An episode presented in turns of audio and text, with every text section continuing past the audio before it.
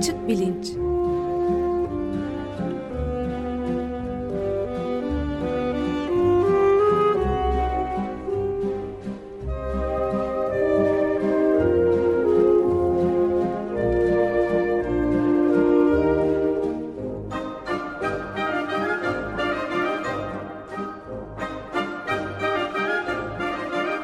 Güven Güzeldere ile bilim ve felsefe sohbetleri.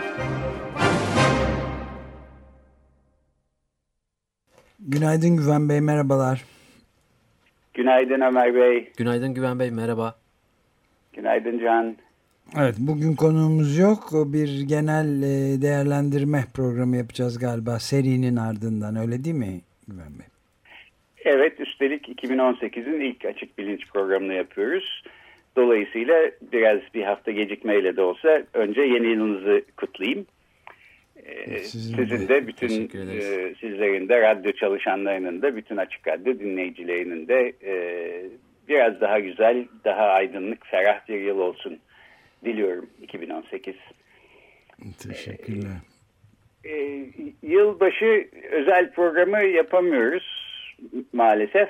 E, yalnız şundan bahsedeyim. Yeni yılın ilk programı olması hasebiyle. E, bu yeni yılla girerken tutulan niyetlerin ne kadarı e, insanlar e, sonuna kadar tutmayı e, becerebiliyorlar, başarabiliyorlar gibi bir takım araştırmalar var. Genellikle e, yıl biterken ya da yeni yıl başlarken böyle şeylerden konuşulur. Ben de biraz onlara baktım psikoloji araştırmaları.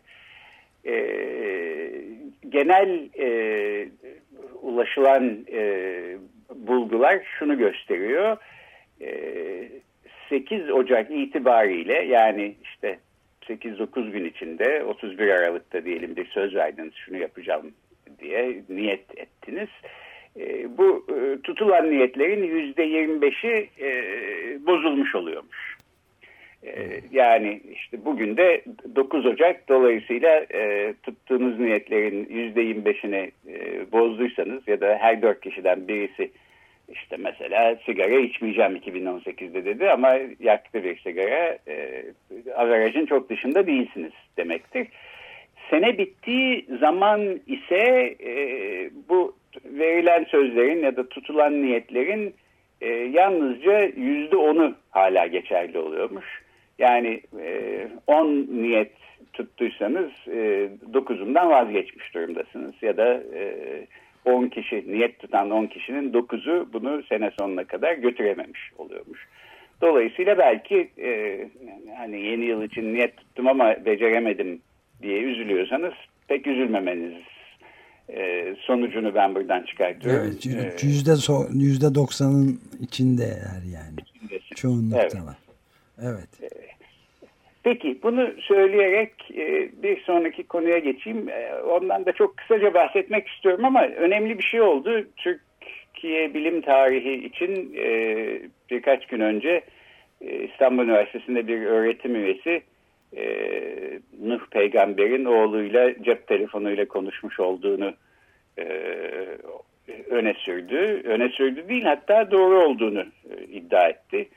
E, şimdi bunu da der demez e, bu kişi e, hemen bir eleştiri e, yağmuru altında kaldı. E, ben doğrusu buna hem şaşırıyorum hem de bu, bu kişiyi eleştirenleri buradan kınamak istiyorum. Çünkü ee, burada bilim tarihini sarsacak bir buluş var. Ee, üstelik e, bu kişiyi kınamak yerine engin bilgisinden yararlanıp başka şeyler de öğrenmek lazım. Yani ben isterim ki biraz daha anlatsın. Bu e, işte Nuh peygamber cep telefonuyla konuşurken baz istasyonları neredeydi, e, hangi hızda sinyal geliyordu, servis sağlayıcı kimdi filan mesela böyle şeyleri de merak ederiz haliyle. E, telefonun şarjı hemen bitiyor muydu bugünkü gibi e, hattı faturalı mıydı kontrollü mü konuşuyordu filan keşke bunları da öğrensek.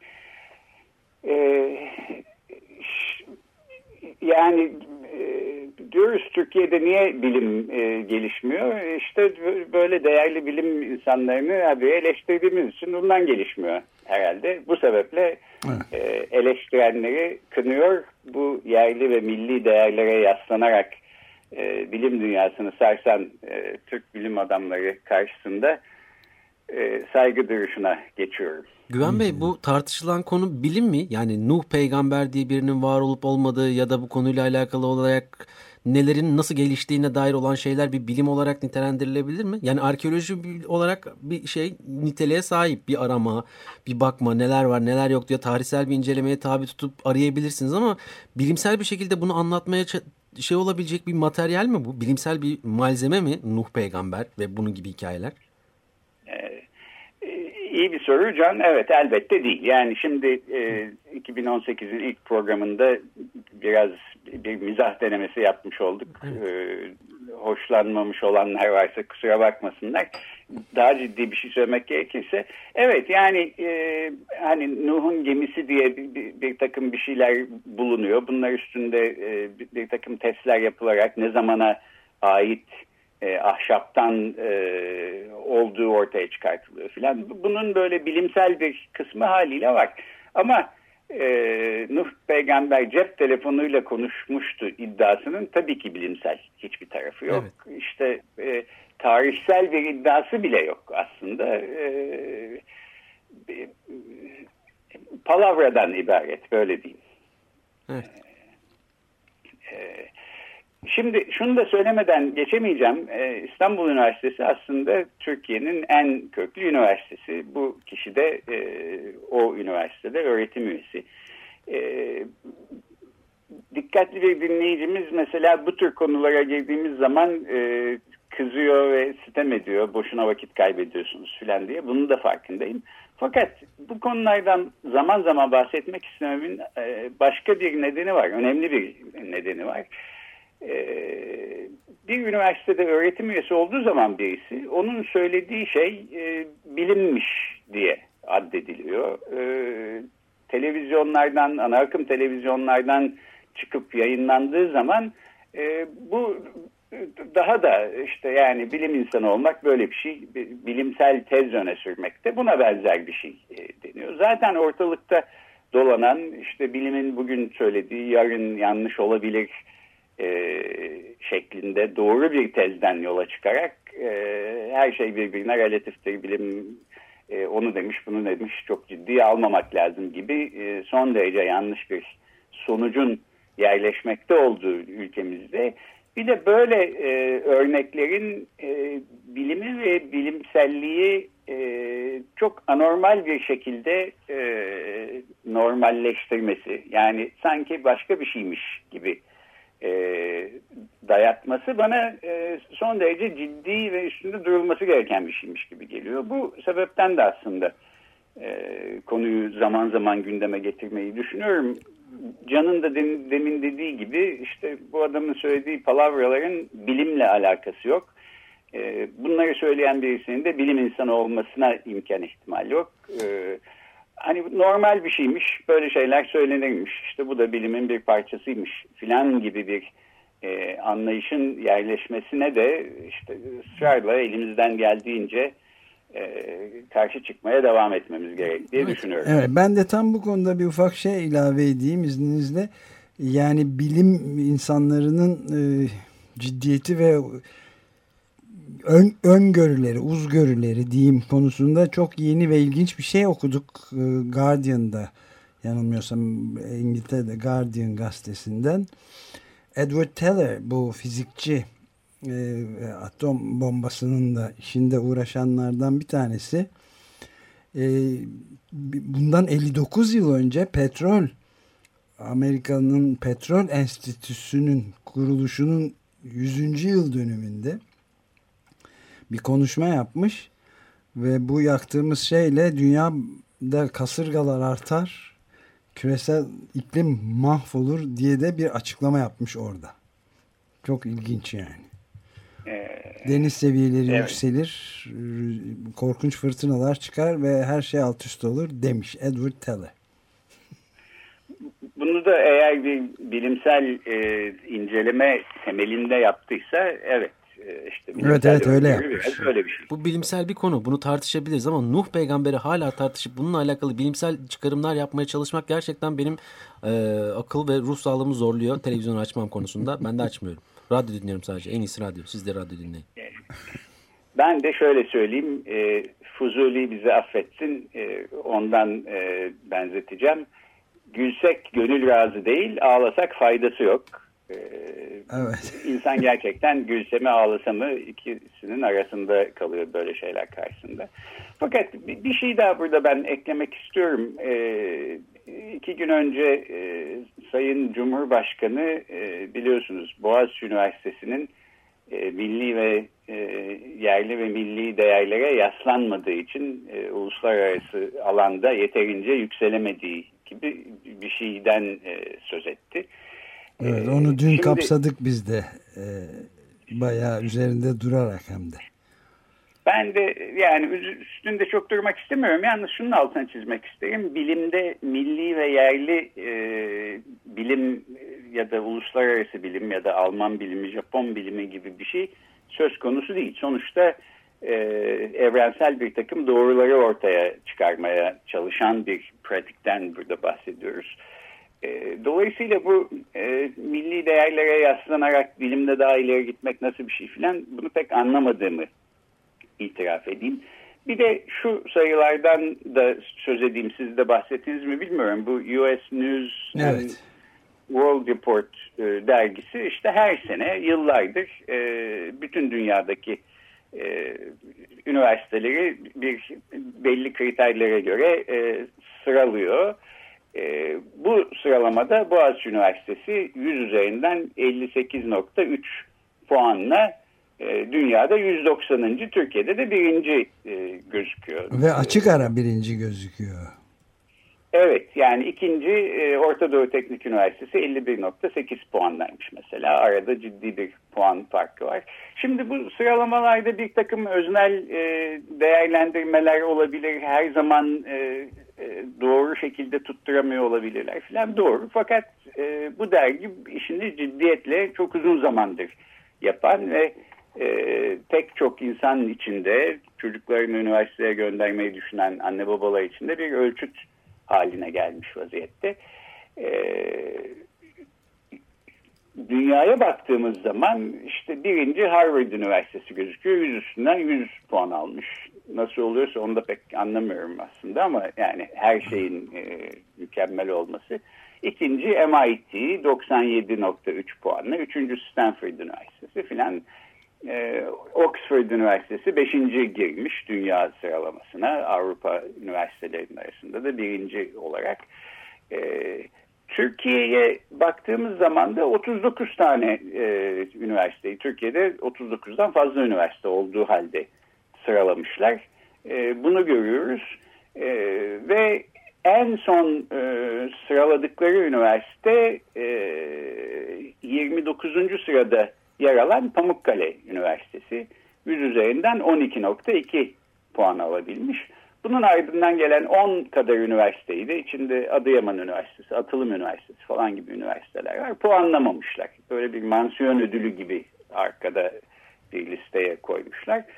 Ee, bir de Recep Tayyip Erdoğan Üniversitesi vardı galiba. Ee, öyle hatırlıyorum. Evet. Milli ve e, yerli değerlere yaslanan bir üniversite olduğunu da tahmin ederim. O bu mansiyonlara bile girememiş. Sıralamada e, yer alacak bir e, üniversite olarak bile değerlendirilememiş. US News and World Report açısından e, yani e, evet her konudan çok e, anlayan bir cumhurbaşkanımız var ama akademik konularda e, işte Boğaziçi Üniversitesi'nin e, akademik değeriyle ilgili bir şeyler söylerken bu tür e, nesnel dünya kıstaslarına bakmakta herhalde fayda olur.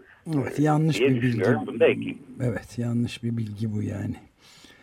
Cumhurbaşkanının verdiği. Evet. Peki e, şimdi gelelim e, diğer konulara. E,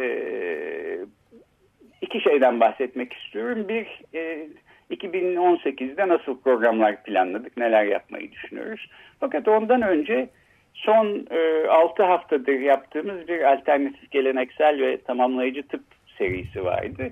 O seride e, ele aldığımız konularla ilgili dinleyenlerimizden gelen sorular, yorumlar, eleştiriler oldu. Biraz onlara değinmek isterim. Zaten böyle bir şey yapacağımızı da daha önceden duyurmuştuk. E, şimdi şuradan başlayayım. E, ben bu alternatif geleneksel tamamlayıcı tıp konusunda çok bilgi sahibi birisi değildim e, bu seriye başlamadan önce. İnsan hiçbir zaman belki çok bilgi sahibi olamıyor ama hayli bilgi sahibi e, olmaya çalıştım. Çünkü programa katılan konuk e, hekim arkadaşların da yönlendirmesiyle epey bir literatür taraması yaptık. E, tekrar hatırlatayım bu kullandığımız, yararlandığımız kaynakları ki bir kısmı İngilizce olmakla birlikte içinde Türkçe kaynaklar da var ve e, söz ettiğimiz terimleri e, notlar alınmış bir e, sözlük ve bir kaynakça haline getirip e, bunu da büyük ölçüde e, Profesör Melia Korkmaz yaptı açık radyo dinleyenleri için aslında. E, bir arşiv sayfasına yerleştirdik, Twitter sayfasından duyurduk. Açık Radyo'nun e, internet sitesinden de ulaşmak yakında mümkün olacak.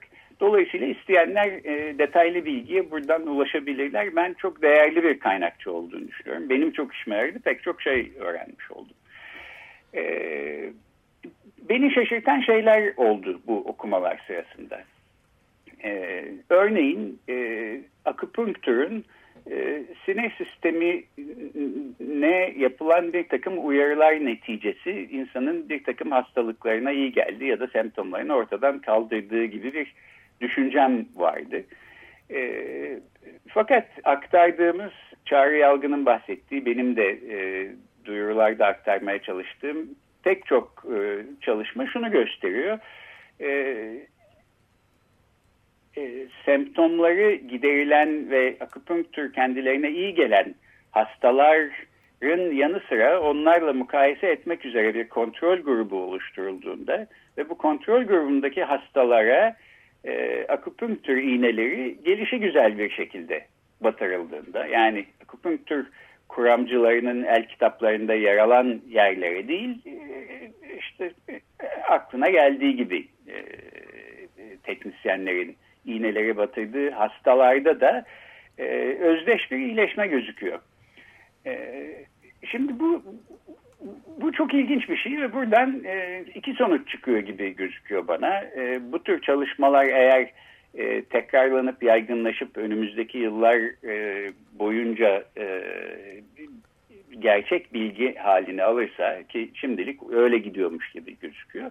Şu demek olur. Bir, e, akupunktürün iyileştirici gücü aslında gerçek bir güç. Bunun altında e, bunun altını oyan e, bir sonuç değil bu çalışmadan ortaya çıkan. E, yani dolayısıyla biz de programda kimseye e, sana iyi gelen bir pratiği kullanma demiyoruz demedik. Ben zaten hekim değilim. O tür bir e, hekim tavsiyesinde bulunmam e, söz konusu olmaz. E, fakat e, evet belki akupunktürün e, gerçekten iyi eden bir gücü var ve de bu e, ilginç ve etkileyici bir şey. Fakat bu güç aslında akupunktür kuramcılarının e, düşündüğü sebeplerle ortaya çıkmıyor olabilir. Bu, bu çalışmada zaten bunu gösteriyor. Yani e, çok dakik ve ince bir e, beden haritalamasıyla iğnelerin nereye, hangi semptomlar için batırılacağı saptanılıyor. Uzun süren bir eğitimi var. E, aslında Çin Halk Cumhuriyeti mesela şu aralar Türk hekimlerine iki yıllık akupunktür bursları e, veriyorlar. Gidip iki yıl orada bu işleri öğreniyorsunuz. Uzman olup dönüyorsunuz. Fakat aslında bunun bir önemi yoksa e, ortada bu işin rutiniyle e, alakalı bir plasebo etkisi varsa bu, bu etkiyi daha e, az gerçek ya da daha önemsiz ya da daha az etkileyici kılmıyor. Ama e, ortada aslında bambaşka bir e, durumu açıklayan bambaşka bir bilimsel hikaye olduğunu öneriyor. E, bizim aktarmaya çalıştığımız şeylerden bir tanesi de buydu.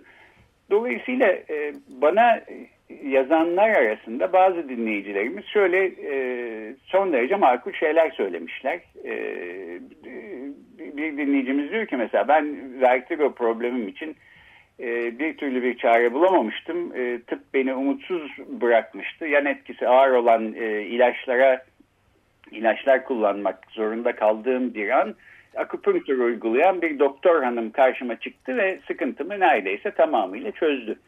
E, bu çok sevindirici bir şey hem de etkileyici bir şey. E, akupunktürün bilimsel bir yanı yok dolayısıyla yaptırmayın demek de haliyle söz konusu değil. E, ama e, bu iyileşmenin hangi süreç sonunda ve ne sebeple hangi mekanizmaların çalışmasıyla e, ortaya çıktığına bakmak da bana en az onun kadar ilginç gibi geliyor. Dolayısıyla bizim anlatmaya çalıştığımız şey daha ziyade buydu. E, benzer şekilde işte oğlumun kulağındaki yara iyileşti, annemin siyatiği 6 ay içinde iyileşti. Bu alternatif terapilere siz nasıl e, eleştiri getirirsiniz diye bizi kınayanlar, e, kınayan dinleyicilerimize de aynı şeyi söylemek istiyorum. E, buradan e, hareketle e, bir de şunun bir e, felsefi nokta olarak e, e, bilgi bilime yani epistemolojiye ve bilim felsefesine dair bir e, nokta olarak e, şunu belirtmek isterim.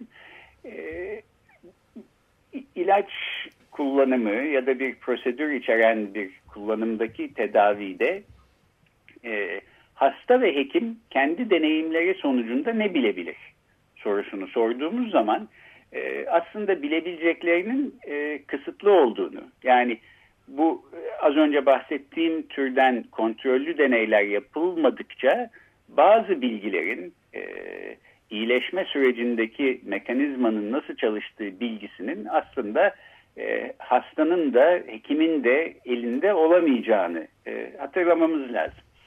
E,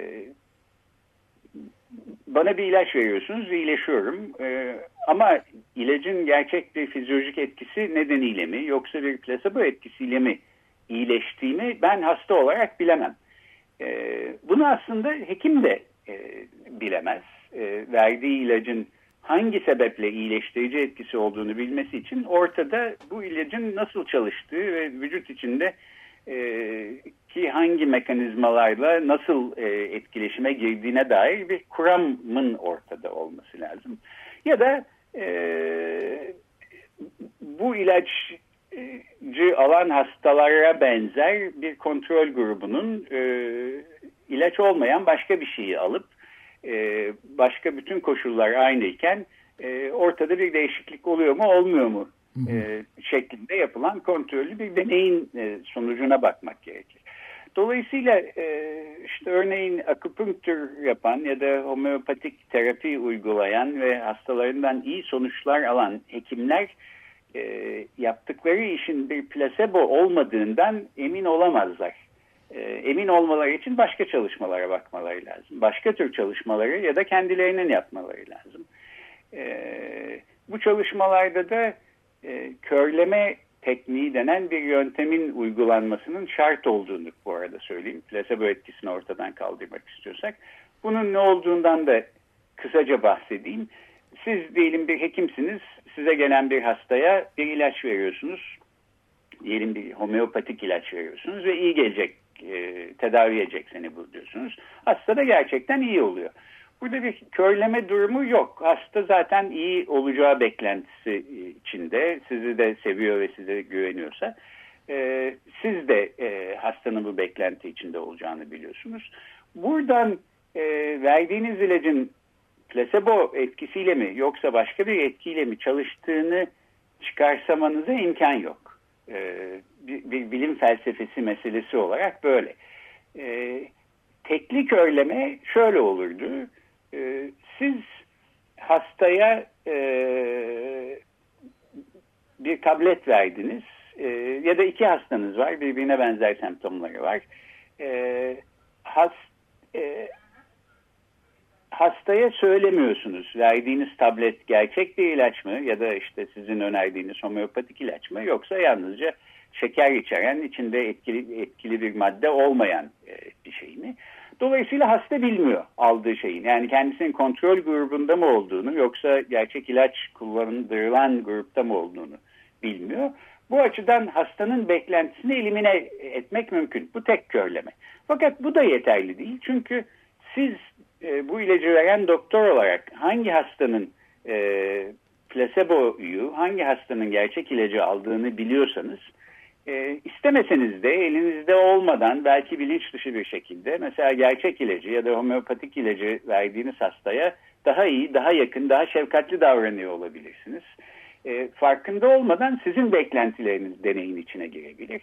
Dolayısıyla çift körleme tekniğinde ne doktorlar yani ilacı uygulayan hekimler ne de ilacı alan hastalar e, bir ilaç mı alıyorlar yoksa plasebo etkisi denenmesi üzerine verilen bir başka etkisiz maddeyi mi alıyorlar? Bundan e, haberli olmuyorlar. E, ancak bu çift körleme tekniğiyle yapılan e, deneylerin, çalışmaların sonucunda e, ne plasebo etkisidir ne değildir. Homeopati, akupunktür, işte e, hacamattır, şudur budur bunların hepsine ancak bu çalışmaların ışığında bakmak ve öyle değerlendirmek mümkün. Bunun dışında işte iyi olmuş bir şekilde bir hasta ya da hastasını iyi etmiş bir doktorun kendi öznel kişisel deneyimi bunun dışında e, hastasını iyileştirmiş e, bir hekim ya da iyi olmuş bir hastanın kendi kişisel e, deneyimlerine elbette saygımız var. İyi olanlar için de e, çok seviniyor olduğumu söyleyeyim ama e, biz programda bu tür deneyimleri e, aktarmaya değil, e, bu deneyimlerin altında yatan mekanizmaların ne olduğunu inceleyen bilimsel araştırmaları aktarmaya çalışmıştık. Dolayısıyla bunu da böylece kapatayım. Son bir soru e, bazı dinleyicilerimizden işte e, biyoenerji tekniği, kuantum öğrenme tekniği, rezonans terapisi, nefes terapisi bu, bu konularda ne diyorsunuz? Bunların gerçek bir tarafı var mı falan gibi sorular e, geliyor. Şöyle bir literatüre baktığım kadarıyla işte bu bu, bu tür alternatif tekniklerin e, bilimsel bir yanını ben e, görmedim, görmüyorum. E, şunu da hatta söyleyeyim. E, en çok suistimal edilen iki terimden bir tanesi enerji, diğeri de kuantum.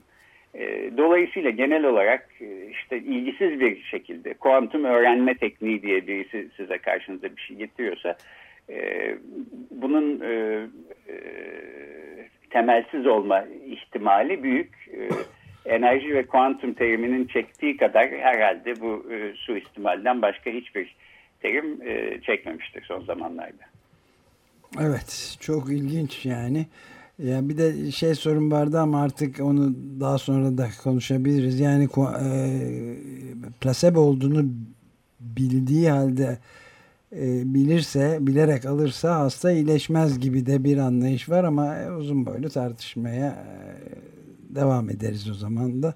Şimdi orada... Evet, bazı çalışmalarda plasebo olduğunu bildiği halde e, iyileştirici etkiye e, iyileştirici etkinin görüldüğü söyleniyor. Bu da kendi başına çok ilginç ve evet, pek ben de, de bunu görmüştüm. Şey. Evet, çok ilginç bir şey. Belki evet. ileride tekrar bunu da tartışma fırsatı olabilir. Tamam.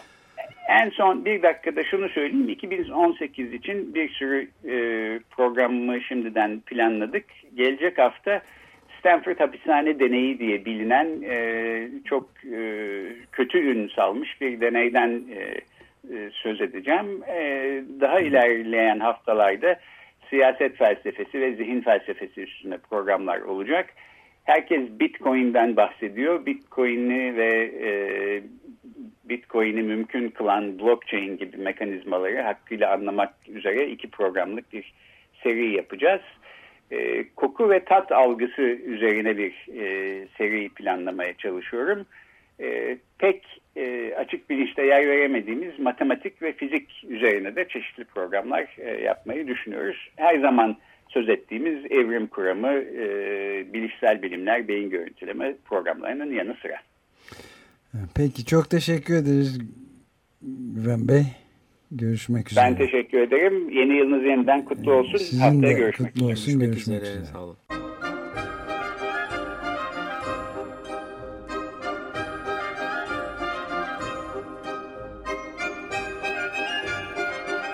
Açık Bilinç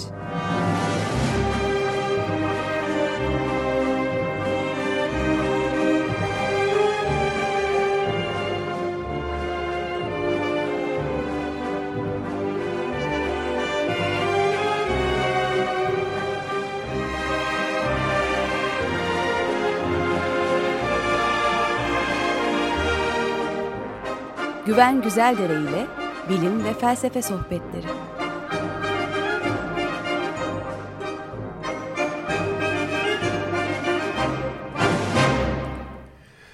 Açık Radyo program destekçisi olun. Bir veya daha fazla programa destek olmak için 212 alan koduyla 343 41 41